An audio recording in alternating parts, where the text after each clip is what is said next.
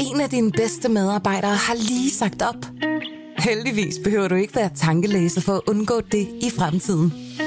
WinningTemp indsamler data gennem hyppige og anonyme medarbejderundersøgelser, så du lettere kan mærke pulsen på dine medarbejdere og støtte der, hvor der er behov.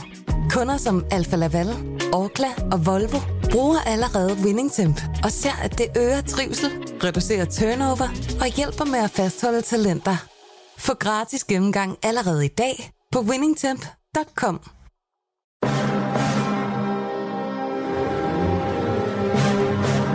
Velkommen til programmet Hitlers Æseløer, et program om bøger om den anden verdenskrig.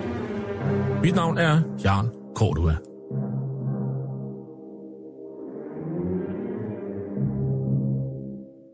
Den anden verdenskrig blev indledt den 1. september 1939 med det nazistiske Tysklands overfald på Polen. Der var tale om en racistisk erobringskrig, der kostede mellem 55 og 70 millioner mennesker livet, og hvor nazisterne systematisk myrdede jøder, romager, slaviske befolkningsgrupper, politiske modstandere og alle andre, der ikke lige passede ind i deres forestillinger om et ensartet folkefællesskab.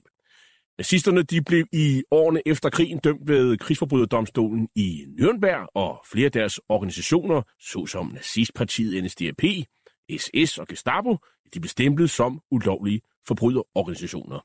I den her serie, som vi har valgt at kalde for Hitlers Æsler, præsenterer vi nogle af de mange bøger, som i disse år udkommer om den anden verdenskrig.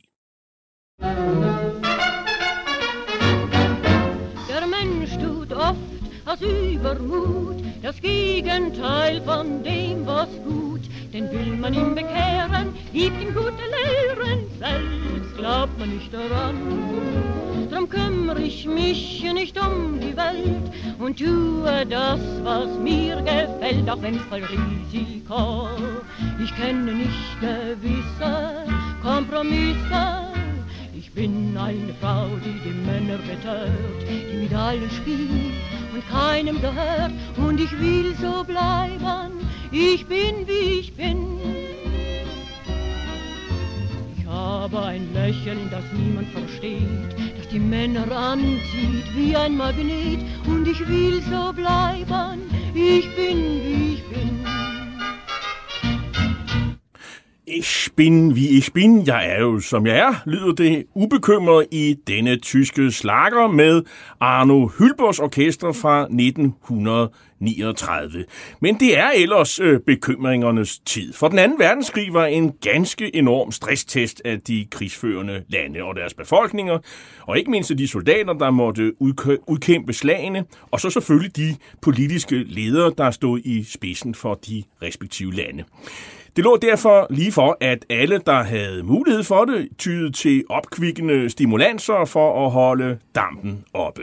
Det galt i særdeleshed også Tyskland, hvor store dele af befolkningen i årtier allerede var vendet til at bruge narkotika, og som allerede i 1920'erne var simpelthen epicentret for udvikling, produktion og eksport af hårde stoffer, som vi i dag kender under betegnelser som kokain og metamfetamin.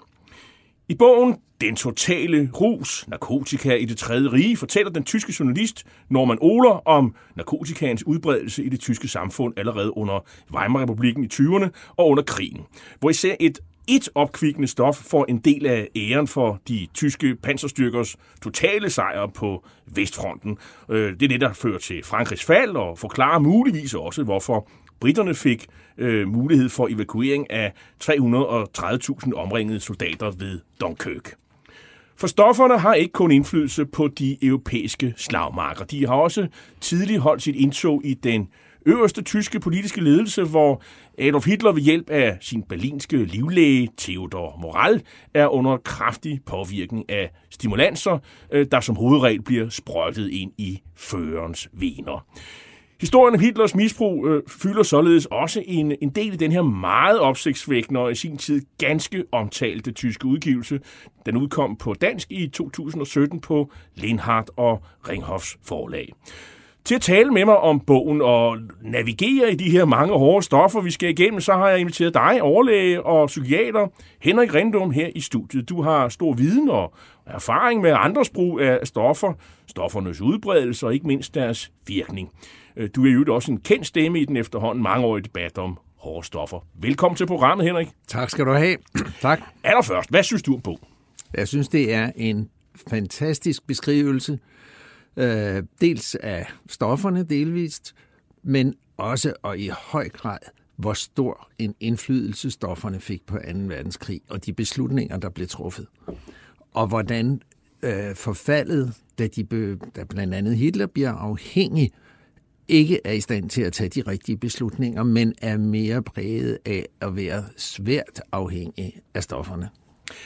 Er du overbevist af, af, af Olers pointe om, at stofferne de spillede en, en stor rolle i den her store verdenshistoriske katastrofe, som 2. verdenskrig jo, jo er? Helt afgjort. Det er der slet ingen tvivl om. Øh, både i starten, men også især i slutningen, hvor han jo øh, stadig levede i drømmen om den totale krig, og øh, at de skulle endelige nok, sejr i hvert fald. Den endelige sejr, og de skulle nok klare det hele hvor han ikke kunne tænke fornuftigt, og hvor han jo havde en magt over sine generaler. En magt, som gjorde, at ingen rigtig tog at sige ham imod. Fordi det, generalerne var jo godt klar over, at det her, det var det gik den forkerte vej, og det her, det endte i det totale... Ja, nederlaget var nederlaget, nederlaget ville blive totalt her.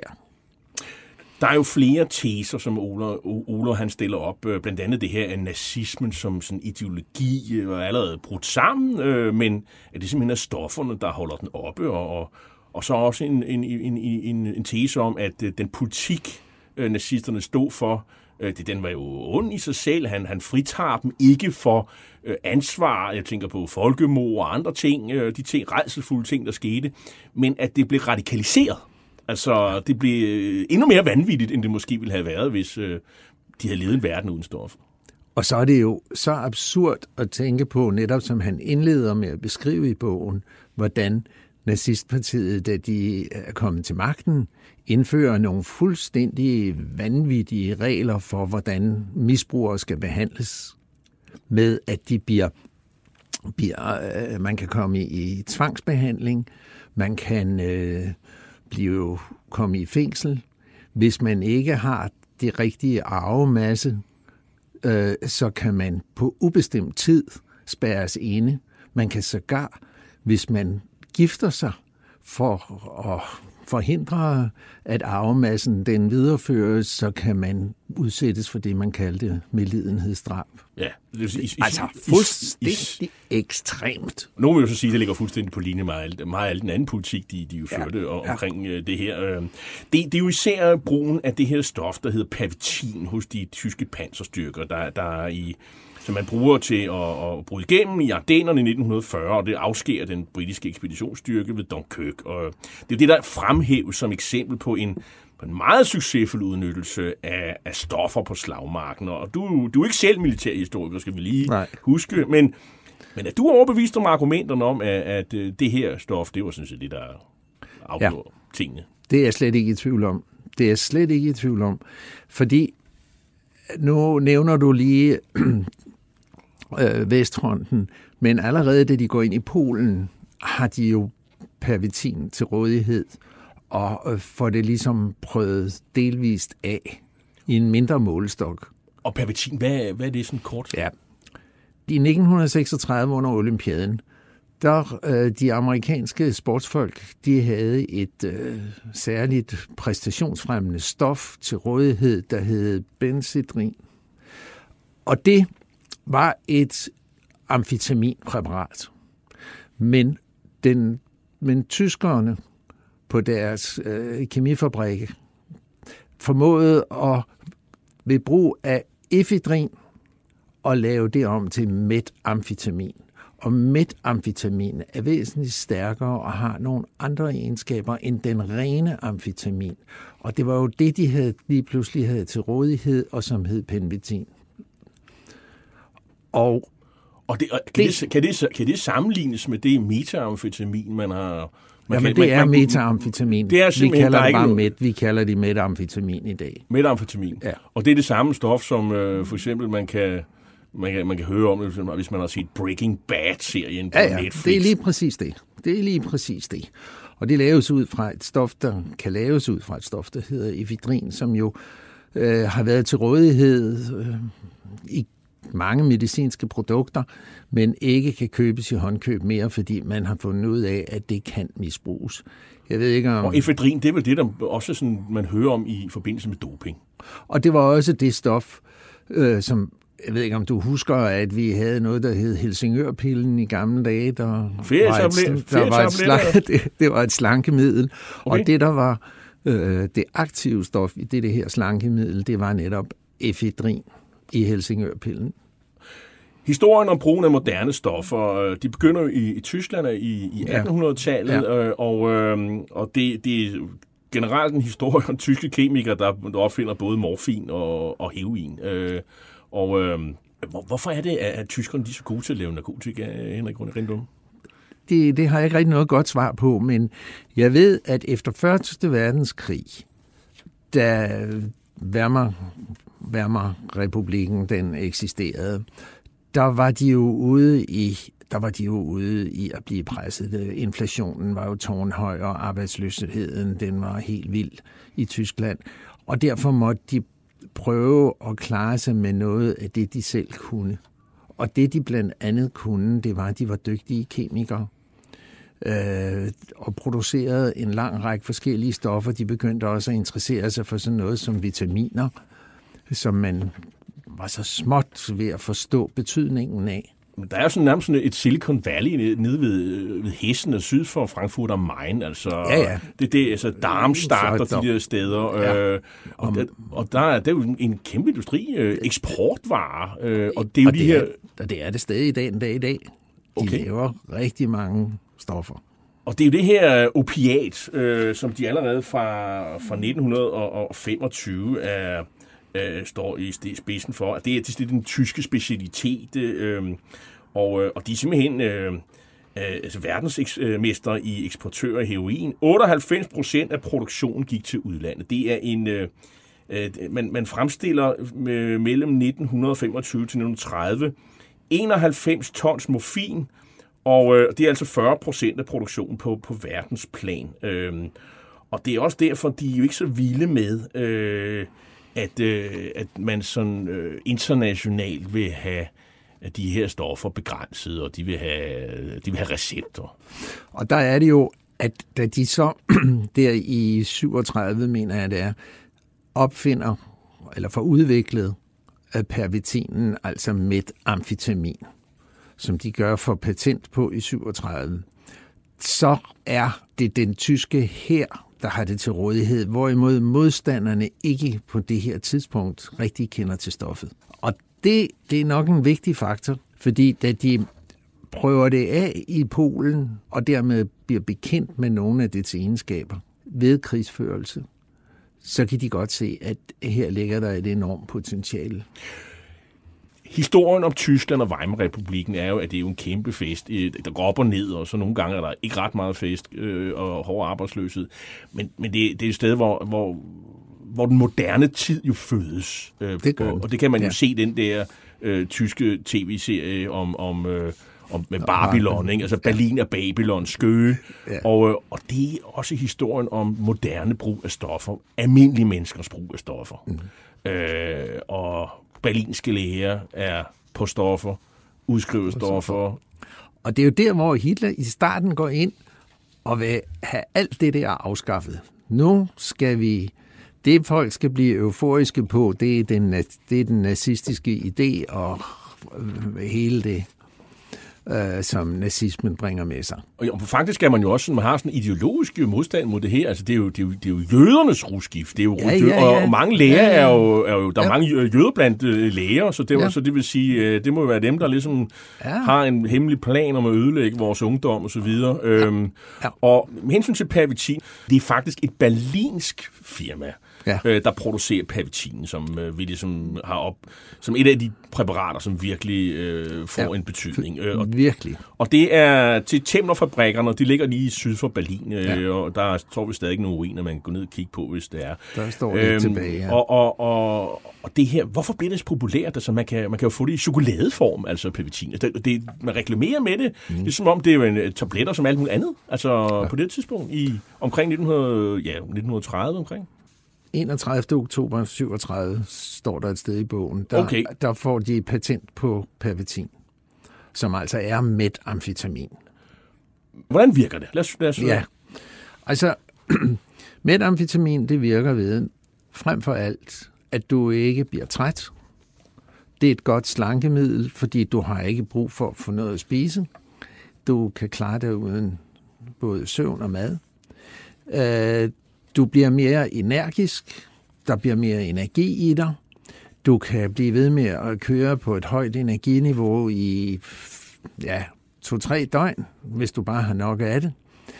Og som en helt forfærdelig egenskab ved det her stof, det er, at din sunde, naturlige, følelsesmæssige dømmekraft, den ændres.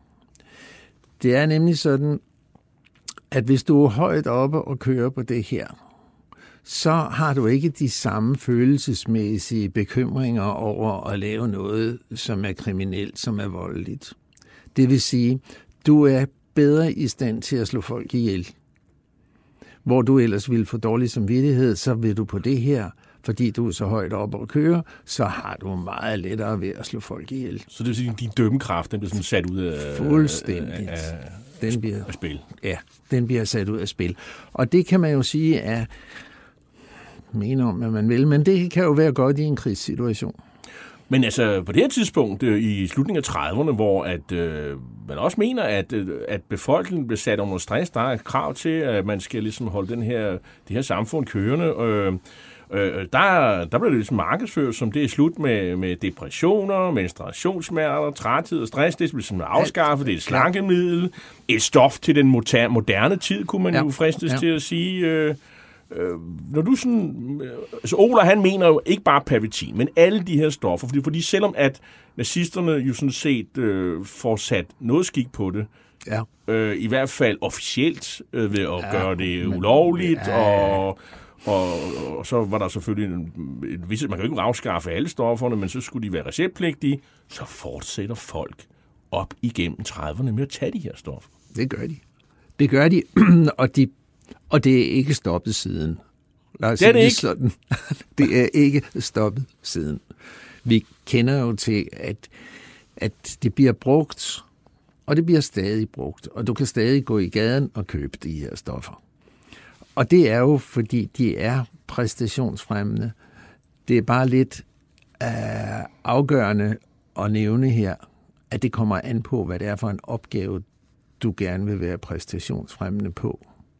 Fordi allerede under, øh, under Hitler, der viste jo en af deres øh, militærfysiologer, han viste, øh, at deres studerende ved akademiet ville under pervitin-påvirkning og under eksamen sige noget værre sludder. Sådan at fornuften den forsvinder, når vi øh, er under pervitin-påvirkning. Det at køre en panservogn, det kan vi godt finde ud af. Rutineprægede ting kan vi godt finde ud af. Og fyre en kanon af, det kan vi også finde ud af. Men når vi kommer til at de mere avancerede intellektuelle evner, så er de svækket. Og det vil sige, at han var jo talsmand for, at øh, de her stoffer skulle simpelthen forbydes. Der var bare et problem. Der han, var et problem. Han, han synes, der var et problem. Han endte bare med at selv at tage alle de her stoffer ja, Ja, og blive afhængig. Men Ja. det, det er til senere en historie. Men det, men det, så han, men han kendte i hvert fald til, øh, til de her ting. Ja. Og det er ham, der ligesom skulle stå i spidsen for det her. Øh, ja. Men blev faktisk rejsende i pervitin. Øh, vi skal til at, at øh, introducere øh, en øh, hovedperson i, i bogen her, og det er foruden Adolf Hitler naturligvis, ja. Øh, men han er ligesom ham, der ligesom tager imod, og, og øh, det er modelægen øh, Theodor Moral, øh, ja. Fra, fra, han har en, en, en, Og hans, en lægeklinik øh, i, i, på Kurfürstendamm i. Ja. i Berlin. Øh, det går rigtig godt. Det går str- strålende, han har masser af Han kunder. har masser af kunder. Hvad er fordi- det? Fordi det er jo skuespillere og sådan nogle ting. Ja, Ja, og, hvad er han god til? embedsfolk. Jamen, han, er, han har introduceret moderne behandlingsprincipper. Han bruger noget, han har, der, der omtales som højfrekvent øh, røntgenstrålinger til behandling. øh, af alskens sygdom. Han, øh, Nu vil sige øh, indbildte sygdom, der er han også ret ja, god til at det, kurere. Ja, det er han. det er jo sådan den, og de onde tunger i Berlin, der taler om, at han netop behandler ikke eksisterende sygdom. Han øh, bruger også vitaminer, som er relativt nyt på det tidspunkt, som har en god virkning. Han kender også til øh, testosteron, som de også har fået fremstillet, og det har også en god virkning på mange. Og det er jo et hormon. Det er et hormon, ja. Og der er der omtales også øh, galbær, nej, galnebær, mm-hmm. galnebær, som er et øh, bær, der kan være giftigt. Det indeholder atropin. Mm.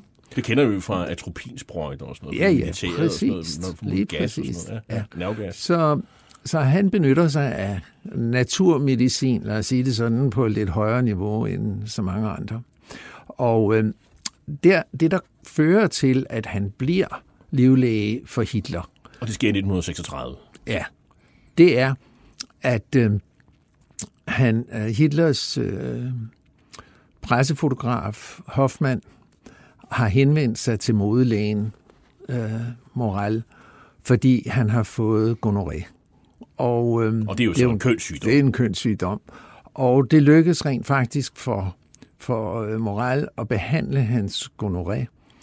Øh, og som tak bliver han inviteret øh, til en middag, hvor blandt andet Hitler er til stede, øh, fordi det er en af Hoffmanns øh, gode venner, det er Hitler. Ja, han lever af Hitler. Han tager billeder. Han laver øh, Ja, ja, han- udgiver fotohæfter og fotobøger med Hitler og sådan noget. Ja, ja. Og en del af regimet, og han lever fedt af det. Så det vil sige... Ja. Men Hitler har jo selv nogle, øh, skal man sige, øh, problemer. Øh, Ja, han har øh, han henvender sig til Moral og taler om, med ham om, at han har noget dårlig mave. Mm. Og der gør Moral på det tidspunkt, øh, der havde man øh, haft øh, nogle soldater, øh, der fik dårlig mave, men interessant nok, selvom de fik samme kost, så var der nogle andre i gruppen, der ikke fik dårlig mave. Og der tog man på det tidspunkt, og ret interessant, for vi gør det delvist også i dag, tog nogle bakterier fra maven på de, bak- på de øh, soldater, der ikke fik dårlig mave, og indsprøj, eller gav dem til dem, der havde, fik dårlig mave. Og det gjorde han så med Hitler. Han tog nogle af de her bakterier, som man kunne få i kapsler, øh, og dem gav han Hitler, og det havde en dramatisk effekt på Hitler. Øh, hvilket førte til, at han Hitler med det samme ud, udpegede ham til sin livslæge, og øh, han levede resten af krigen, moral, Ja, det var, af kun at behandle Hitler. ja, han havde jo ikke tid, fordi Hitler Nej. insisterede jo på, at han skulle være der hele tiden. Så, Ja, ja. Og, og, Ja. Men på det her tidspunkt, der er Hitler jo sådan, sådan en forholdsvis velfungerende. Det er jo ikke gået galt endnu. Nej. Øhm, Nej, nej. Men han får jo faktisk også en, øh, spiller også en rolle i øh, sådan politisk øh, moral, fordi øh, de overfalder jo øh, Tjekkoslovakiet, eller lige før de gør det, de lægger jo pres på Tjekkoslovakiet i 1939, og, øh, og der har man, øh, de har de en præsident, Emil Hacha, ja. Som, øh, som er helbredssvækket, og øh, ham får de til Berlin, og så beder de ham underskrive sådan en erklæring, der accepterer sådan en de facto overgivelse af, af tropperne til værnemagten. Det er, jo, det, er jo, det er jo der, hvor, hvad skal man sige, øh, at, øh, at Chamberlains øh, øh, aftale, München-aftale, jo blev fuldstændig pillet fra hinanden, fordi her siger man jo, at øh, og efter det, så, så har man ingen illusioner mere, men altså, man, man prisgiver jo tjekkerne, og øh, tjekkoslovakkerne er det jo på det her tidspunkt, og så, og så lægger man pres på Emil Hacker, og han er øh, åbenbart, øh, ikke, øh, altså han, han har brug for noget opkvikkende, Øh, og det sørger øh, Theodor Moral øh, for med en sprøjte. Ja, ja. Og, øh, og så underskriver han den overgivelse af tropperne til værnemagten, og, og Hakker han ender øvrigt med at blive henrettet efter krigen, øh, blandt andet for det her, fordi han blev sådan en lydpræsident i den her lydstat. Øh, stat. øh, og han blev øvrigt også en af Morals patienter. Øh, øh, og, man, og så, hed, så hedder det jo meget, skal man sige, øh, lakonisk i i, i Olers bog, at øh, det her det er farmakologi som videreførelse af politikken med andre midler, og det er, det er sådan en parafrase af, af Clausewitz diktum om, at, øh, at krig er videreførelse af politik bare med andre midler. Så, det, så her kan vi se, at farmakologi virkelig spiller en rolle. Er du, ja. er du enig ja, ja, jamen, det er helt afgjort. Det er der slet ingen tvivl om. Slet ingen tvivl om. Det her med, øh, med Pavetin øh, øh, under krigen, altså det, og vi, og vi havde lige omkring det her øh, eksempel, du gav med, at hæren laver det her øh, forsøg med officersaspiranterne på, på, på, på lægeakademiet øh, ja. i Berlin. Øh, det, det er jo ikke bare menige, øh, som jo får det her stof under krigen. Det, det er faktisk også herledelsen. Øh, det er på alle niveauer. Det er på alle niveauer, at de tager Pavetin. Og så er der jo øh, et, et sjovt eksempel, som øh, sådan, det, er jo, det er jo øh, en Heinrich Bøhl, som nogle af os, der har oh, læst ja. tysk øh, litteratur, han var mest kendt, eller han blev først kendt efter krigen, øh, som, hvor han fik, tror det, en gang i 70'erne fik han Nobelprisen øh, i litteratur. Han har også skrevet om sin soldatertid øh, i, i hans forfatterskab.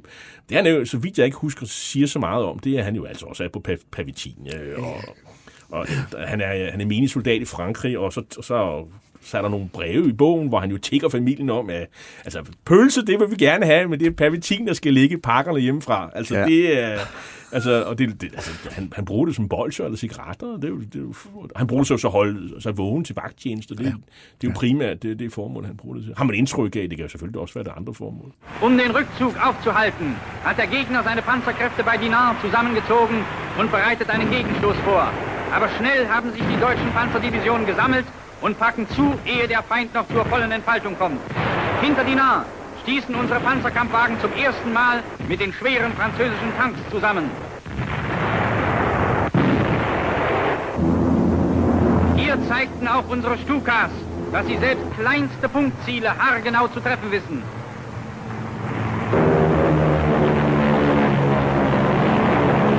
Das blieb von den französischen Panzern übrig. Ein Feld voller Trümmer, Diese Tanks wurden von den Franzosen für unverwundbar gehalten. Man kannte allerdings nicht die Durchschlagskraft der deutschen Waffen und den Geist unserer Panzerschützen. Ja, det er tysk propaganda, der fortæller øh, historien om øh, det tysk panser og Stukas, der forvandler franskmændenes i øvrigt på papiret overlegne øh, panserstyrke til trymmer, som vel her må betyde skråt. Som øh, Oler bemærker, det, det er ikke meget, man, øh, man hører om Papetins indflydelse på, på slaget. Så det er jo ikke i den øh, tyskernes egen fortælling, så er det jo øh, general, gen, geniale strategi, øh, det er øh, fanatismen, det er den germanske races overlegenhed, kunne man forestille sig. Det er det her pragt, øh, altså, fantastiske tyske militærapparat. De er også super dygtige, de er meget hurtige, og de er strategisk klogere end, end de andre. Men Pavitin spiller en rolle. Og det, det er jo så general Erik von Manstein, der, der kom på ideen om det her sejlsnit, øh, som, ligesom, hvor man jo skærer øh, franskmændene og britterne i store træk over i, øh, i to dele, hvor britterne jo så er fanget i en, i en lomme øh, ved Dunkirk, øh, som ender med at være en lomme hvor man ikke kan komme på forsyninger frem til det. Og det ender jo så med at afgøre slaget. Øh, Men det er hurtigheden. Det er hurtigheden, hvor med og den energi, der er til stede blandt soldaterne på den tyske side, at de jo for eksempel kan lave fuldstændig panik i de allieredes øh, tropper ved den hurtighed. De, de beskytter ikke engang deres flanker, de maser bare på. De kan køre hele natten, de kan køre dagen efter. Og det er vel der, man, man kan sige, Pavetinens øh, effekt er nyttig. Altså det er ja. det, det, det, at man, man giver dem det her stof, og så skal de bare køre øh, og overraske, og, øh, og, og bare nå Atlanterhavskysten. Og øh, man kan vel kalde det for en succesfuld brug af stoffet. Kan man ikke? Jamen det er det da. Det er det da. Og specielt fordi soldaterne har energi nok til at blive ved. Altså, øh, alle andre ville jo lægge sig til at sove, efter øh, de havde været på i 24 timer. Det er jo lidt interessant, at ham her generallægen Otto Ranke, som vi har talt om, som lavede de her sådan, så forsøg med de her officersaspiranter, han, øh, han tager jo øh, sit kamera med, og han fotograferer, øh, sjovt nok, et tema hele tiden. Sovende soldater. Hmm. Fordi på et eller andet tidspunkt, når de har kørt de der 3-4 døgn, eller meget de gør, så skal de jo sove. Og, og, hvor, og hvor lang tid sover man så? Ja, det øh, er lidt forskelligt, fordi øh, det er det her med at sove. Der skal man være klar over, at personer, der er på amfetamin, Podcasten er sponsoreret af Maxus, som netop er lanceret i Danmark med 100% elektriske biler med moderne teknologi og højt udstyrsniveau. Find din forhandler på maxus-danmark.dk Der skal hjernen nu nok finde ud af at sove, selvom de subjektivt oplever, at de ikke sover. Men hvis vi laver undersøgelser over det, så kan vi se, at hjernen går i en søvntilstand, selvom personen ikke er det. Og det er jo der, hvor der opstår markante fejl, hvor, hvor personen laver fejl, og kan, det kan være rigtig svært øh, at gennemføre de opgaver, du er sat til. Men hvor lang tid man sover, det er helt afhængigt af, hvor abstinent man bliver. Fordi hvis man er meget abstinent, så er det abstinenserne, der kan vække en efter relativt kort tid. Men, men hvis man får noget at sove på, øh, så kan man godt klare 12 timer. Hvad, hvad nu, hvis man bruger det her pavitin sådan over lang tid? Hvad, og, og så tager stoffet fra folk? Hvad, hvad sker der så med dem? Ja, så er det jo, at de bliver abstinente. Og det er, der er nemlig det øh, ved hjernen, og interessante ved hjernen, det er, at den prøver hele tiden at modvirke effekten af stofferne. Så du ser mange gange det modsatte af den modsatte virkning. For eksempel ser vi jo, lad os nu tage øh, noget, som rigtig mange kender til, alkohol. Øh, hvis vi udvikler tolerans over for alkohol, så kan vi tåle at drikke rigtig, rigtig meget. Hvor, hvor den almindelige dansker måske vil falde i søvn på fem genstande eller ti genstande, så kan man sagtens over tid øh, klare at drikke 25 genstande, hvis man bare drikker tilstrækkeligt meget hver dag. Så sker der det modsatte, hvor du ville være faldet i søvn på, på alkohol, men kan blive ved med at drikke, så øh, lige pludselig, så falder du slet ikke i søvn. Du har modvirket og kunne, du kan ikke sove, for du har 25 genstande i blodet, eller indtager 25 genstande i døgnet, og du, der sover du ikke. Og det samme kommer så altså til at ske det her, hvis man... Det samme sker her. Bare den modsatte virkning. Du er vågen hele tiden, og nu falder du så i til gengæld i en mere... En mere du kommer til at sove mere. Du kommer klart til at sove mere. Men det, der også er et kæmpe problem, det er, at du bliver i dårlig humør. Du har været i godt humør. Nu når du ikke får amfetaminen, med amfetaminen, så bliver du i dårlig humør. Der er også en anden observation, øh, som beskrives i bogen. Det er, at hvis du er sådan mere end 40 år, så, øh, så, så kan du faktisk ikke tåle det her stof. Altså hvis du har... Øh, øh, altså blodtrykket stiger. Øh, der er eksempler på, at øh, hvis man er måske er måske ikke i superform, og øh, det kunne det være nogle af de her skal man sige, ældre officerer, der ikke er, de er måske lidt svære over livet, hvad ved jeg, jamen så de falder simpelthen om af hjertestop. Øh, det er der ja. flere eksempler på. Så det, ja. altså, det, ja. det, det er unge mennesker, der kan, der, det, det kender vi næsten til, ja. der kan tåle det her stof. Det er det. Og det, det er unge mennesker, der har fysikken til at kunne bruge stoffet, og dermed går det galt, hvis vi kommer op i alderen og ikke har den fysik, som vi havde dengang, da vi var unge. Vi skal lige springe øh, til, tilbage til øh, førebunkeren, fordi øh, øh, øh Norman Oler her, eller Oler, han, øh, han siger, at, øh, eller han argumenterer for, at øh, den her stopordre, som bliver givet øh, til øh, Guderians panserstyrker, øh, som jo har nået Atlanterhavskysten, og de, sådan, de har sådan set fanget øh, britterne i lommen ved Dunkirk. Der skulle han jo sådan set have udnyttet den der hurtighed til og, og, og få noget nedkæmpet det der, sådan så at man kunne få fat i flere af deres våben, og man kunne have stoppet den der evakuering, som så finder sted. Øh, det er meget omdiskuteret, øh, hvorfor den kommer, og hvilken betydning den får. Men, øh, men Ola han mener, at øh, det her det er et eksempel på, at dels Hitler øh, er under påvirkning af, af stoffer, men også af Hermann Göring, som er, har jo været morfinist mm. i, i årvis, mm-hmm. og som jo er rigsmarschall øh, øh, for Luftwaffe, og han har han overbeviser øh, Hitler om, at det, det er altså Luftmar, øh, Luftwaffes øh, tur til at nedkæmpe øh, de britiske ekspeditionskort på strandene med, øh, med, med Stukas.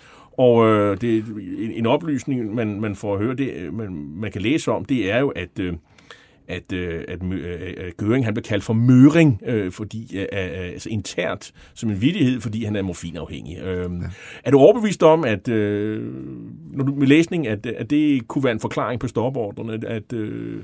Ja, han er så påvirket af morfin, at han ikke kan træffe de rigtige beslutninger. Det, kan, det er der nok ikke ret meget tvivl om.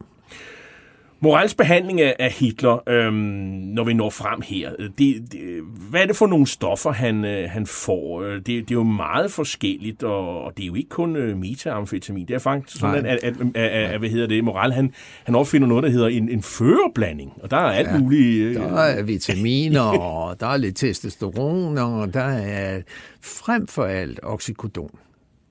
Oxycodon? Oxycodon. Og hvad er det for et stof? Ja, det er jo et øh, morfinpræparat, som jo i de senere år har fået en gevaldig indvirkning øh, på forbruget af morfin i Europa og i Amerika i særdeleshed rent aktuelt. Og vi kalder det for øh, i dag for øh, opiater? Op, opioider. Opioider. Okay. Det er opioider. Det er morfinpræparaterne. Og det her øh, oxycodon er et helt særligt præparat, som jo i dag Dagens Danmark har en høj kurs nede i gaden i Istedgade. Øh, 80 mg oxycodon har jeg lavet mig fortælle, ligger på mellem 3 til 400 kroner per tablet. Okay. Altså det er noget af det dyreste, der sælges i gaden i øjeblikket. Og øh, på det her tidspunkt, der hedder det økodol. Ja. Øh, men det er det samme stof i virkeligheden. Ja, det og, det er, og det er vores gode venner, Mærk i Darmstadt, der har ja, produceret det. Ja. Og øh, har stor succes med det her stof. Ja. Øh, og øh, i førerblandingen, der er jo altså, øh, øh, udover de her hormonpræparater, steroider og alt muligt, det, er op til 80 forskellige ret... Øh, noget af det er jo sådan set øh, ikke... Det er der ikke det store ved, men det er, men det er jo en, en, en herlig cocktail, han har fået ja. blandet sammen her. Ja. Altså, du er læge, øh, du har været arbejdet med de her ting i mange, mange år. Hvad, ja. hvad siger du, når du ser det her? Altså, er det en seriøs behandling, uanset hvad nu Hitler han måtte vide af, at give ham sådan en førerblanding? Og det, og det er med nål? Ja, ja, det er, det er en injektion. Nej, jeg må sige, det er ikke... Det, der er, er aktive stoffer. Mm-hmm det har han nogenlunde styr på i den der førblanding. Men alt det andet er jo bare tilsætning med, med, med vitaminer og lidt, og, og lidt øh, øh, testosteron og hvad der ellers er godt.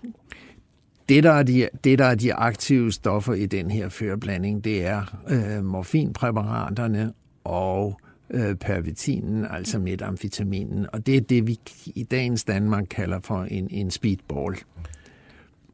Hitler, han, øh, han, han var den, der var mindst og mindst forstod, hvad han havde begivet sig ud i, skriver Oler. Han, øh, ganske vist havde han altid interesseret sig for lægemidler, men han satte sig aldrig ind i, i medicinsk viden. Øh, som bruger af narkotiske stoffer, også som feltherre, var og blev han den evige dilettant, der lå sig lede af indskydelser, uden at begribe de grundlæggende kendskærninger.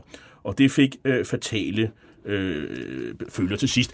Det Men godt. det er jo moral, der skal jo vejlede ham i det her. Han er lægeuddannet, han har arbejdet med de her stoffer. Er han kvaksalver, som du ser det? Ja, slet ingen tvivl. Altså, men, men han er igen underlagt, at Hitler stiller krav om at kunne præstere, og derfor finder han jo ud af, at det, der er den bedste blanding, det er det der, øh, det som vi kalder en, en speedball. Og, det er en god blanding. Og det er og speedball, det er det, det er altså metamfetamin og morfin, fordi den meget speedede virkning, der kommer øh, ved øh, metamfetamin, den dæmpes af at tage et sløvende rusmiddel. Det er jo derfor, for eksempel i dagens Danmark, er det jo meget populært at øh, tage kokain og samtidig drikke alkohol. Altså noget, der er en opkvikker med noget, der er sløver. Og den blanding, der kan du så holde dit aktivitetsniveau. Du kan jo drikke igennem på alkohol i, i dagens Danmark, hvis det er sådan, at du bare får nok kokain på sådan en aften. Og det er jo altså også der, problemerne opstår. Og allerede Moral havde en kendskab til den her blanding. Han, Hitler kunne have det dårligt med abstinenser, og, men lige så snart han havde givet ham sådan en speedball, så var Hitler op at køre, og det kunne træffe beslutninger, og de var blevet mere og mere vanvittige, de beslutninger, han tog, jo længere han kom ud i misbruget. Det her det er jo ikke noget, som Ola Hansen trækker op af hatten. Der er faktisk øh, ret god dokumentation for det. Han, øh, det er derfor, den her bog er ret overbevisende. Ja. ja. Han har jo fundet, han har jo fundet øh, dokumenter fra den gang, Ja, hos amerikanerne. Mm, ja, ja. Og problemet med amerikanerne var, at de kunne ikke, de kunne ikke tyde hans krav til. Det kender vi jo fra ja. mange af jer lærer i Man kan jo simpelthen ikke læse, hvad de skriver. øh, og, og, og, og, her, var det, her var det jo, patienten var jo patient A. Mm der blev, det var jo Hitler, der i journalerne blev betalt, omtalt som patient A. Der var også en patient B, det var Eva Braun, men det kommer vi til. Ja, ja. men patient A, han, øh, men han var jo mest glad for, for, for Økodal, og det er jo det, som... Øh, Økodal, det var det, det morfinpræparat, som Oxycodon. Som oxycodonen udgør. Og det, det er det stof, hvor, hvor, hvor man kan sige, at, at, at, at Ola, han, hvad skal man sige, han sandsynliggør, at det er det, han får. Fordi vi ved, at han har fået det, men ja. får han det hver dag? Det er det, der, fordi det optræder øh, i moralsbetegnelser som X eller injektion som vanligt. Ja. Og, øh, så vi, så... vi ved ikke sådan præcist. hvad, hvad, Men et eller andet har han jo fået. Ja, et eller andet har han øh, fået, og han har fået det stort set dagligt igennem år til sidst. De sidste år. Og man kan jo også se det på ham, når man ser, når man har læst bogen, mm. og er klar over, hvor han er henne, så kan man jo se det på ham. For eksempel den der træmer, den der rysten, han har i hånden, så derfor han øh, Hitler, og derfor for at man ikke skal kunne se, at han ryster på hånden, så sætter han den i jakken som Napoleon. Hvorfor? Er det sådan meget typisk øh, Jamen, det er jo bivirkning? Abstin- ja, det, er abstinenser? Det, det er simpelthen abstinenser. Øhm, han får jo også øh, til sådan nogle animalske hormoner, og øh, vi har jo alle sammen lært fra børnelært om, Hitler han var vegetar. Det, han, ja, han, han, altså. han, han kan godt lide spaghetti og salat og alt sådan ja, noget. Og, ja. Men altså, animalsk, altså, han, som, som Jamen, beskrevet, jo... teknisk er han jo, er han jo kødspiser, når han får alle de her ja, men, animalske altså, hormoner. Ja, men det er den ene del af det, men det er jo også, der er jo en, en dobbelt moral, som er helt ufatteligt, fordi han, da han i nogen af 30 øh, nazismen er ved at komme op og stå, der er han jo i den grad modstander af 20'ernes vilde liv på stoffer. Mm. Altså, det er jo ingen ende på, hvor sunde vi alle sammen skal være, og hvor godt det skal være. Og så få år efter, så er han bare helt ude og skide på stoffer. Men han er vel ikke selv interesseret i at vide, hvad han får? Det er jo bare Nej, sådan noget... Det, det, det, altså han, men er han ikke... Men, men de der hormoner der, hvad, kan, kan det påvirke noget? Altså, er, er, ja, det kommer jo helt an på, hvad det er for nogle hormoner han har fået. Det, det, det fremgår ikke. Det er jo sådan fra tyretestikler og alt muligt ting, og ja, ja, han har udviklet. Og... Ja, og, og lige præcis. Men noget af det har jo nok været testosteron. Mm-hmm. Og det har jo en muskelopbyggende virkning. Han får, det jo direkte, samtidig... han får det direkte i musklen jo. Ja, ja. Men, men det er ikke i sig selv øh, noget, der er sådan farligt eller noget. Det er bare... Jo, det, altså hvis det er store mængder, og det er tilstrækkeligt rent, så kan vi jo se, at hjertet for eksempel vokser, og det dermed øh, bliver hjertemusklen svækket. Det kan godt være, at du har et stort hjerte, men det ikke, kan ikke trække sig ordentligt sammen og klemme alt blodet ud af, af ventrik af hjertet. Så der, det, der kan komme mange problemer, hjerteproblemer på grund af testosteron. Theodor Moral, han udnytter, udnytter jo sin position til at sådan opbygge en farmaceutisk forretning, øh, øh, og men de andre nazister i hans om, altså, som omkring det her førerhof, de kan jo ikke udstå ham, og, og han, nej, er lavet, han, nej, nej. Han, han, er jo ikke, han er jo ikke i, i SS eller i her eller noget, men han har så lavet sådan en latterlig uniform, øh, som de, de griner bag ryggen af ham. Selvom de kommer alle sammen og vil have hans ting. Altså, han er jo han er jo den store pusher, ikke? Altså, ja. og, øh, og, og, han er jo fed, øh, han, ja. og han lugter. Han er, ja. øh, ja. Og, og, og, men de er altså som sagt meget glade for at og få indsprøjtninger. Blandt andet øh, Hermann Göring, og, og Göring han har fundet på et meget morsomt navn. Han kalder ham for Rigssprøjtemesteren, øh, og det er ikke pænt øh, ment. Der er også den sådan, kedelige ting for, i hvert fald for moral, at han får jo ikke set hverken sin kone eller jeg ved ikke, om han børn, men, men og han, han bor jo i Berlin, han skal jo følge med Hitler. Ja. Og der er altså sådan, Hitler han bor jo i bunkers de sidste tre et halvt år af sit liv, øh, blandt andet Ulveskansen over i Østpreussen, i Rastenburg, ja. Og der må moral simpelthen være omkring. Han, han, han kan ikke sige, at jeg skal lige hjem. Jeg tror, det er hans bror, der skal begraves på et tidspunkt. Det kan han ikke få lov til. Fordi øh, han skal jo have brug for de her stoffer. Det, det, det er jo igen noget, der bare understreger, at Hitler er dybt afhængig. Man kan jo ikke bare sige, Pusser kan jo ikke bare ja. sige, jeg, jeg tager lige 14 dages ferie, kan I have det godt alle sammen? Den, den går jo ikke. Nej, det gør det ikke. Så han, øh, Hitler er vanvittig afhængig. Moral får heller ikke sin søvn, fordi Hitler har jo det her mærkelige, han, han går i seng klokken 6 om morgenen øh, og står op ved middagstid. Ikke? Mm. Og, og, om, om, om, og, og, så, og så får han nogle injektioner op ad aften, og så, bruger, og så kommer virkningen jo, så taler han jo i flere timer. De sidder og drikker æblete øh, og komme te der over midnat, og så snakker han i tre timer, der skal moral sidde og høre på alt det. Øh, og jagtage, hvad der foregår. Øh, og hvis nu Hitler han føler sig lidt ubehagelig, så kan han jo altid lige, kan jeg ikke lige få et eller andet, øh, og så må han have fat i sprøjten igen. Og det, der, og det der jo i virkeligheden, hvis vi skal skære ind til essensen af alt det her, så kom, kommer det jo til at få en gevaldig betydning for de beslutninger, der bliver truffet mm. i førebunkeren, og specielt det, at Hitler i sit vanvid har så god en kontrol over sine admiraler og generaler, at han at han kan træffe nogle fuldstændig vanvittige beslutninger. Fordi det jo er, det når han, når han får de stoffer, går ind til sådan et møde, så er det, at han øh, jo giver dem... Så er han verdensmanden. Og det er jo det, som øh, han er von, von Marnstein kalder det for solstrålekuren. De får ja. jo alle sammen solstrålekuren øh, ja. om, at det, det skal nok gå selv, øh, når Stalingrad, øh, så får han at vide, at det skal nok gå alt sammen, jeg kan det hele, og du, I skal bare tage sammen, og det er sådan set det. Ja. Øhm, der er jo faktisk nogen, der forsøger at, at få styr på moral, øh, skal man sige, påvirkning af Hitler. Sådan, altså, der er, forsøger faktisk, hvis man kan tale om det, at være nogle voksne til stede Og det er alle mennesker, en meget usympatisk person, men Martin Bormann, Hitlers øh, private sekretær. Han prøver faktisk at øh, at få, øh, det som, øh, sender et brev til Moral, og siger, jeg vil gerne have at vide, hvad du giver ham, og der skal ligesom være styr på det her. Og, altså... Ja, og der, der kan man sige, der er moral jo i den grad præget af, at han ved ikke, hvordan han eventuelt skulle prøve langsomt og over tid at trappe ud mm. af de her stoffer. Altså give ham meget mindre øh, af stoffet øh, inden for over tid sådan at han kunne bringe Hitler tilbage i en tilstand, hvor han var mere åndsnærværende og ikke præget af stoffer. Men i den her situation med, med Bormann, der ignorerer han jo simpelthen. Ja, fuldstændig. Han, ignorerer, og så, han er da helt ligeglad. Fordi øh, han ved jo godt, hvad, hvad Hitler mener sidste ende. Ja. Øh, og de kan da lige prøve på at fjerne moral for Hitler, så, så skal ja, vi se, det, hvad der kommer til at ske. Ja, ja. Øh, det går helt galt. Og, og, det går helt galt. Og moral, han får sådan et, jeg tror, han får 3.000 rigsmark, og så har han fået lov til at købe en eller anden ejendom nær Berlin, så han, som han aldrig kan få lov til at være i nærheden af. Nej øh, fordi han skulle være alle mulige andre steder med, med, med, med Hitler. Øh, vi nævnte lige Eva Braun, øh, som var altså patient B.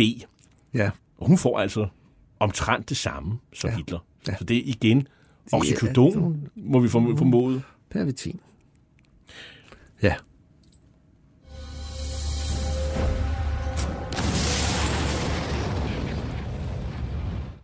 Ja, en eksplosion hørte vi her. Det er attentatet på Adolf Hitler øh, 20. juli 1944, og øh, det får også en betydning, fordi det, øh, det ændrer også behovet for, for, for stimulans. Og Ola, han, han fortæller jo nærmest, at Hitler han er sådan allerede under eksplosionen bedøvet. Øh, så han, øh, da han oplever det her, så er han sådan set øh, påvirket. Så han tager det egentlig ret cool, øh, ja. selvom folk ligger og dør ved siden af ham, og, ja. og han har folk har ild i deres hår og sådan noget. Og han har jo selvfølgelig også skadet, men, øh, men, men øh, og han har fået sprængt begge sine trommehinder, og han har alle mulige fragmenter i, øh, i, i kroppen. Det, det, der sker jo det, at han, på grund af de der ører der, så, så skal han have fat i et nyt stof, nemlig øh, kokain, til at smøre de der ører. Og det, så kommer der en ny læge ind til ligesom at... Så nu bliver kokain jo ligesom også en del af, af festen her. Mm. Henrik Rindum. Ja, det er det. Og øh, da det bliver en, en øh, del af festen, så sker der jo noget så sker der jo en del andre ting, fordi kokain har en anderledes virkning, selvom det er nært beslægtet, virkningerne er nært beslægtet med, med amfetaminen.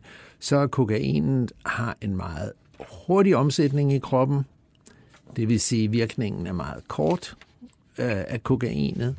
Du får et forhøjet, markant forhøjet blodtryk, og øh, du bliver relativt hurtigt afhængig af kokainet.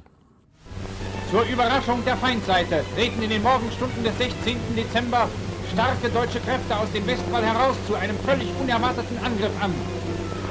V1 und die Feuergeschosse der Nebelwerfer bringen plötzlich Vernichtung in und hinter die feindlichen Linien.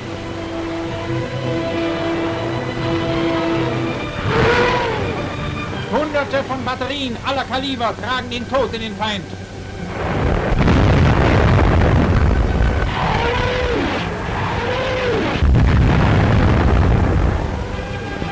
Im Trichtergelände warten die deutschen Soldaten auf das Zeichen zum Angriff.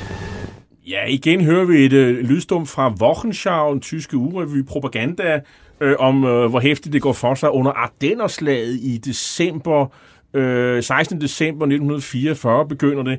Og, øh, og det er igen et slag, hvor, hvor, øh, hvor, eller en indsats eller en offensiv, som jo har Hitlers signatur. Alle andre end Hitler synes, det her det er en frygtelig øh, tåbelig idé, øh, fordi nu brænder man jo det sidste krudt af. Men Øh, Hitler han er helt sikker på, at det her nok skal føre til noget, og øh, han blander sig og er jo meget opstemt øh, undervejs. Og, og igen, Norman Oler, han mener simpelthen, at Hitler er en ros, øh, hvor, han, hvor han simpelthen er endnu mere selvovervurderende, end øh, han ellers har, har været. Og det får jo en katastrofal betydning på, på slagmarken, fordi som jeg nævnt, alle generaler, de er simpelthen imod det her. Og, øh, ja, det viser igen, hvor stærk, hvor stærk en personlighed han, når han er under påvirkning af stoffer, kan inducere på de der generaler, som i virkeligheden vil noget andet. Han, han har ikke ører, han, har ikke, han, kan ikke, han kan ikke høre, hvad der er, der bliver sagt fra generalernes side. Og han er jo ikke militærstrateg, men han lever jo i en drømmeverden. Eller en boble måske. En boble, ja. ja. Han lever i en boble af, af, af sine stoffer, som gør, at han mener, at det er helt unikt det, han har af idéer og så, tanker. Så i dels, det er en del af hans personlighed selvfølgelig, ja. så bliver det bare forstærket mange gange på grund af, han er på stoffer. Pavetin øh, har vi jo været omkring, at det er sådan et effektivt for at holde gang i tropper, når man skal fremad over stækkerne. Ja, ja. Men når man ligesom skal holde en stillingskrig, øh, så... Er så det jo, kan man ikke træffe de rigtige beslutninger. Men, men, men soldaterne kan jo ikke rigtig bruge det, fordi de kan godt holde sig vågne i en 3-4 dage, men på et eller andet tidspunkt, så skal man jo sove. Så det skal de. Og så, og så er der alle de andre effekter, langtids... Det er jo ikke sundt at tage de her stoffer over lang nej, tid. Nej, de, de får jo en de kommer til at, at øh, reagere uhensigtsmæssigt, de træffer forkerte beslutninger, de kan ikke, præcisionen øh, skrider, og de vil, de vil hellere sove, de vil have noget at spise. Det går, det går galt. Men man skal sige, i tilbagetrækningsfasen, der har der også haft øh, nogle eksempler, som, som Oler nævner, blandt andet, at øh, det bliver brugt øh, til, når, når kampvognen skal hjem fra at tage tilbage til på Østfronten. Der er et eksempel på, at, øh, at de holder simpelthen kampvognene kørende uafbrudt. Øh, jeg tror, det er Øh, det, de kører 100 km, øh, og så, så skifter de for at tanke, det vil sige, en eller anden kan køre, og så, ja. og så, og så altså man, Pavatinen er, er, er, er, kan holde den kørende, når de skal hjem øh, ja. til Berlin. Og der er også et eksempel på, at, øh, at de omringede op ved Ilmensøen øh, nogle, nogle øh, tyske soldater, og, øh, og de er faktisk så afkræftet, at de kan ikke, at folk giver op øh, i sneen øh, og lægger sig til at sove. Lægger sig til at sove, og, de, og, så, og, og, så, er der en, og så er der en, der får en, øh, en frisk idé. Vi kan sgu da give dem noget pavitin. Pludselig, så går der en halv time, så er de klar til at gå igen. Ja. Og øh, så på den måde har det jo nogle positive effekter. De redder simpelthen livet og, og kan, kan få folk op på duberne igen, selvom kroppen har, har, har, har meldt pas. Ja. Øhm, der er også en øh, historie om, vi har ikke talt så meget om flåden og, og luftvåbne. Vi ved, at luftwaffepiloter bruger det. Øh, også øh, slaget over, om England er, er, har de, øh, bruger de det. Bombetogter, der bruger de det. Øh, effektivt, man kalder det for Gøringpillen, tror jeg. Øh, øh, I 1944, der er der et, øh, et blandingsprodukt, der hedder Superpillen D9. Øh, og det er så krigsmarinen, der øh, udvikler sådan et... Øh, et af de her Desperado-våben, øh, et sådan nogle enmands- eller tomandsbetjente ubåde, der skal, det er sådan, sådan, musik, det er sådan nogle himmelfartskommandoer, hvor man sender ganske unge mennesker og officersaspiranter ned i sådan en øh, ubåd, og så skal de så øh, afsted mod fjenden, og, og der, der skal de holde sig vågne i fire døgn. Og der udvikler de det her, og det er så også Palpatine. Ja. Øh, fire døgn, altså det, det kan man sagtens. Det kan du. Det kan du. Du skal bare have nok af det.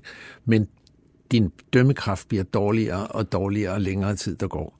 Fordi hjernen altså, kan ikke klare sig. Den skal nok finde ud af at sove. Du føler dig du føler ikke subjektivt, at du sover, men hjernen gør det, og det fører til, at du træffer forkerte beslutninger. Den her sådan, operation med de her øh, himmelfartskommandoer, de, de, de, de med ubådene, er, bliver fiasko, og formentlig ja. på grund af det. Jeg tror, det er ja. to tredjedele, der går til, og de får ikke rigtig noget ud af det. Så har man også et eksempel fra koncentrationslejren, hvor man jo lader fanger øh, marchere rundt. Man skal teste øh, de tyske hvad skal man sige, øh, fodbeklædningsindustrier. Øh, fodtøjet. Fodtøjet, og så sætter man nogle hæle på, og så skal de jo marchere rundt i, i flere døgn øh, ja. med pavetin i kroppen. Øh, og øh, og det er selvfølgelig en, en, en, hvad skal man sige, det er jo krigsforbrydelse et eller andet sted, at man, ja, ja. at man gør det. Øhm, I Berlin til sidst, i, i, i, i slaget omkring Berlin, mm. jamen der er der simpelthen børn over, over ved øh, af Olympiastadion, der, der står de og deler paptin ud til de her Hitlerjugends øh, børn, der skal betjene de her øh, kanoner, og hvad når ja. russerne kommer ræsende. Ja. Øh, og det, de mener, de er godt øh, for ligesom at, at holde dem oppe, for at de ikke skider i bukserne, bliver det direkte sagt. Øh, ja. Og det er jo også, jeg tænker, at, at man kan give børn sådan nogle stoffer for, for det, men det, det gør man altså.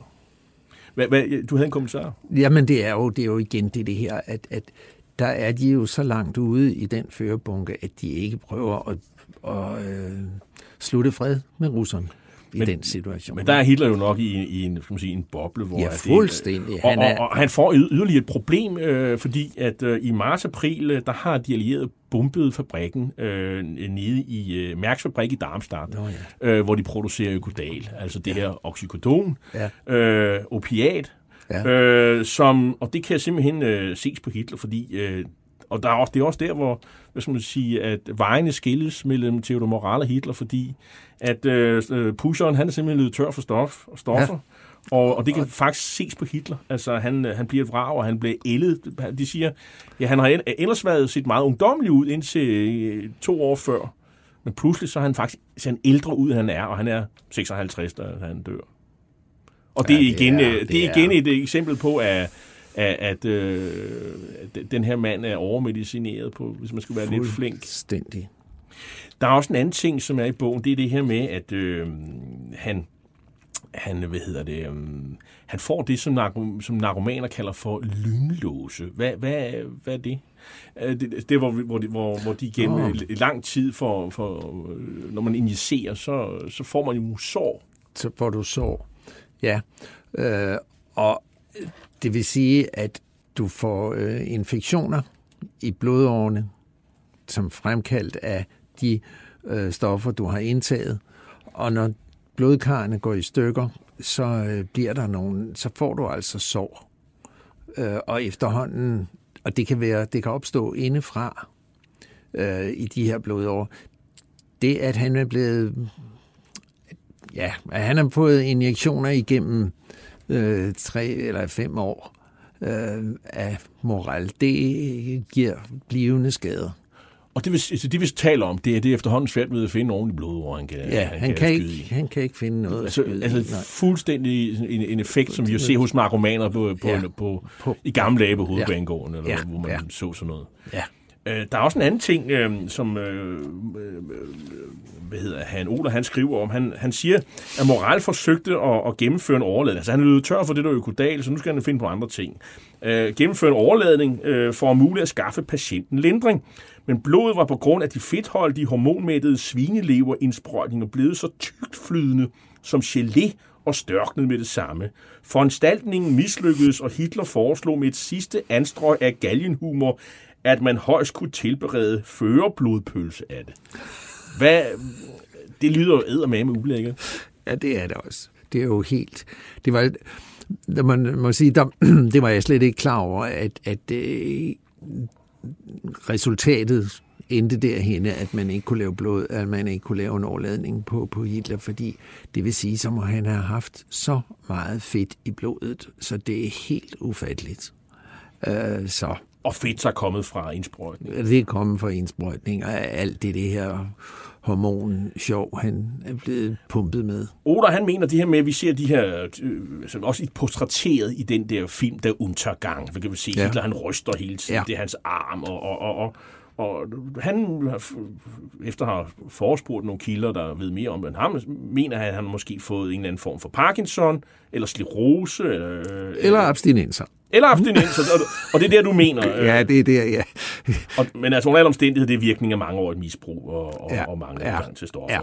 Og, og, og, og så til sidst, der, der får Hitler altså sådan noget koffeinsprøjt, og, og der er det, at Hitler, han måske også, det går op for ham, at hvad, nu er slutningen. Nu, nu, nu, nu, nu, nu. Han ender faktisk med at gennemskue med moral. Han siger, tror du, jeg er nar? Og beder ham nærmest om at skrubbe af. Ja. Og så må han moral jo øh, tage til Bayern og flyver til Bayern, til Bayern ja. og så bliver han så arresteret af amerikanerne, og Ja, og de får ikke rigtig noget ud af afhøringen, og, og, så, og så kan de ikke tyde hans, øh, hans, håndskrift. hans håndskrift, og det finder ja. Oler så frem øh, øh, til, og, og, og, og får produceret en, en, en bog, vi har talt om nu. Og Hitler selv, han begår som bekendt øh, sammen med Eva Braun selvmord den 30. april 1945 i førerbunkeren i Berlin. This is London calling. Here is a news flash. The German radio has just announced Hitler is dead. I repeat that. The German radio has just announced that Hitler is dead. Ja, Oler han øh, mener, at Hitler var en, et produkt af den kemisk moderne epoke og den øh, selvmodsigende rusgiftsbekæmpelse. Altså, nazisterne jo havde det der øh, aversion mod, mod, mod rusgifte, og så, ja, så var de selv en del af det. Er du enig i det? Han er, det, ja. han er lidt produkt af sin tid her. Ja, og det, der er så interessant ved rusmidlerne, det er jo, at det, der starter med at være en hjælp for dig, det kan være, at du tager øh, benzodiazepiner, altså det er præparater, fordi du er angst, når du skal lave et eller andet bestemt, eller du har svært ved at sove. Det kan være, at du drikker lidt alkohol for at blive mere veltalende, eller at du tager amfetamin, hvis du skal præstere et eller andet. Du skal i landsretten i morgen, og du vil gerne kunne holde en pæn tale så kan det være godt at måske tage det amfetamin eller kokain. Og det, som starter meget fredeligt, det bliver efterhånden mere og mere, og det er sådan, at rusmidlet overtager dig. Du bliver, så at sige, hjernevasket på rusmidlet. Og det er på trods af, og det her oplever jeg jo mange gange, at stofmisbrugerne siger, Hvorfor kan jeg ikke bare lade være? Jeg vil, jeg vil jo ikke det her. Jeg gider det ikke mere. Hvorfor skal det være så svært? Det er, fordi stoffet på den mest effektive måde kan hjernevaske dig til at blive ved, på trods af, at du med din fornuft siger nej. Og det er det, vi også ser her. Ola han skriver, at stofferne blev benyttet som et kunstigt mobiliseringspotentiale for at udligne den efterhånden formindskede motivation, altså det at krigen gik imod tyskerne, og for at holde ledelsen funktionsduelig. øh, altså, ja, undskyld, jeg sidder og hang, lidt. Jamen, men, det må du gerne gøre. Fordi... Hitler, han hang på nålen, og han var afhængig af sin leverandør. Det, det, det er det billede, du køber ind på. Ja. vi skal nok også være klar over, at nu har vi talt meget om stoffer. Det er jo en, en særlig vinkel at anskue ja. det her på. Ja. Men, men vi skal også være klar over, at det er jo ikke indtagelsen af stoffer, der fik tingene i, i Tyskland til at køre, køre sporet øh, med, med nazismens forbrydelser, men det forstærker de ting, der allerede er i gang. Og det, det, det ja. er vel også rigtigt at sige. Det er fuldstændig. Og man, der, hvor man skulle træffe andre beslutninger, det gør man ikke. Man kører bare på det samme spor igen og igen og igen. Og, man trækker, og træffer dårligere beslutninger. Ja, og dermed bliver de dårligere, fordi man kan, ikke, man kan simpelthen ikke se i øjnene, at nu er vi ved at tabe den her krig. Øh, man kører den helt til ende, selvom man kunne have sparet mange menneskeliv, hvis man et år i forvejen, eller efter slaget ved Stalingrad så i øjnene, at det her, det kan vi ikke, det her, det kan vi ikke klare. Jeg tror, jeg taler for os begge to, når vi siger, at vi, vi kan faktisk godt anbefale folk, der interesserer sig for det, hen og læse den her bog. Givet det. Jeg synes, den er dybt interessant. Tusind tak øh, skal du have, øh, overlæge Henrik Rindom, fordi du var med os her i, i dag. Vi har som sagt talt om bogen Den Totale Rus, Narkotika i det tredje rige, skrevet af den tyske journalist Norman Oler. Bogen den er udkommet på dansk i 2017 på Lindhardt og Ringhofs forlag og oversat af Marianne Madelung. Hitlers Æsler er slut for i dag. I teknikken sad Josefine M. Hansen, og jeg hedder Jarl Cordova og er værter til retlægger programmet. Du kan genhøre dette program via Berlingske og alle de andre programmer i serien som podcast via appen podimo.dk eller via Berlingskes hjemmeside b.dk-podcast. Vi slutter med musik fra filmen Der Untergang. Tak for i dag.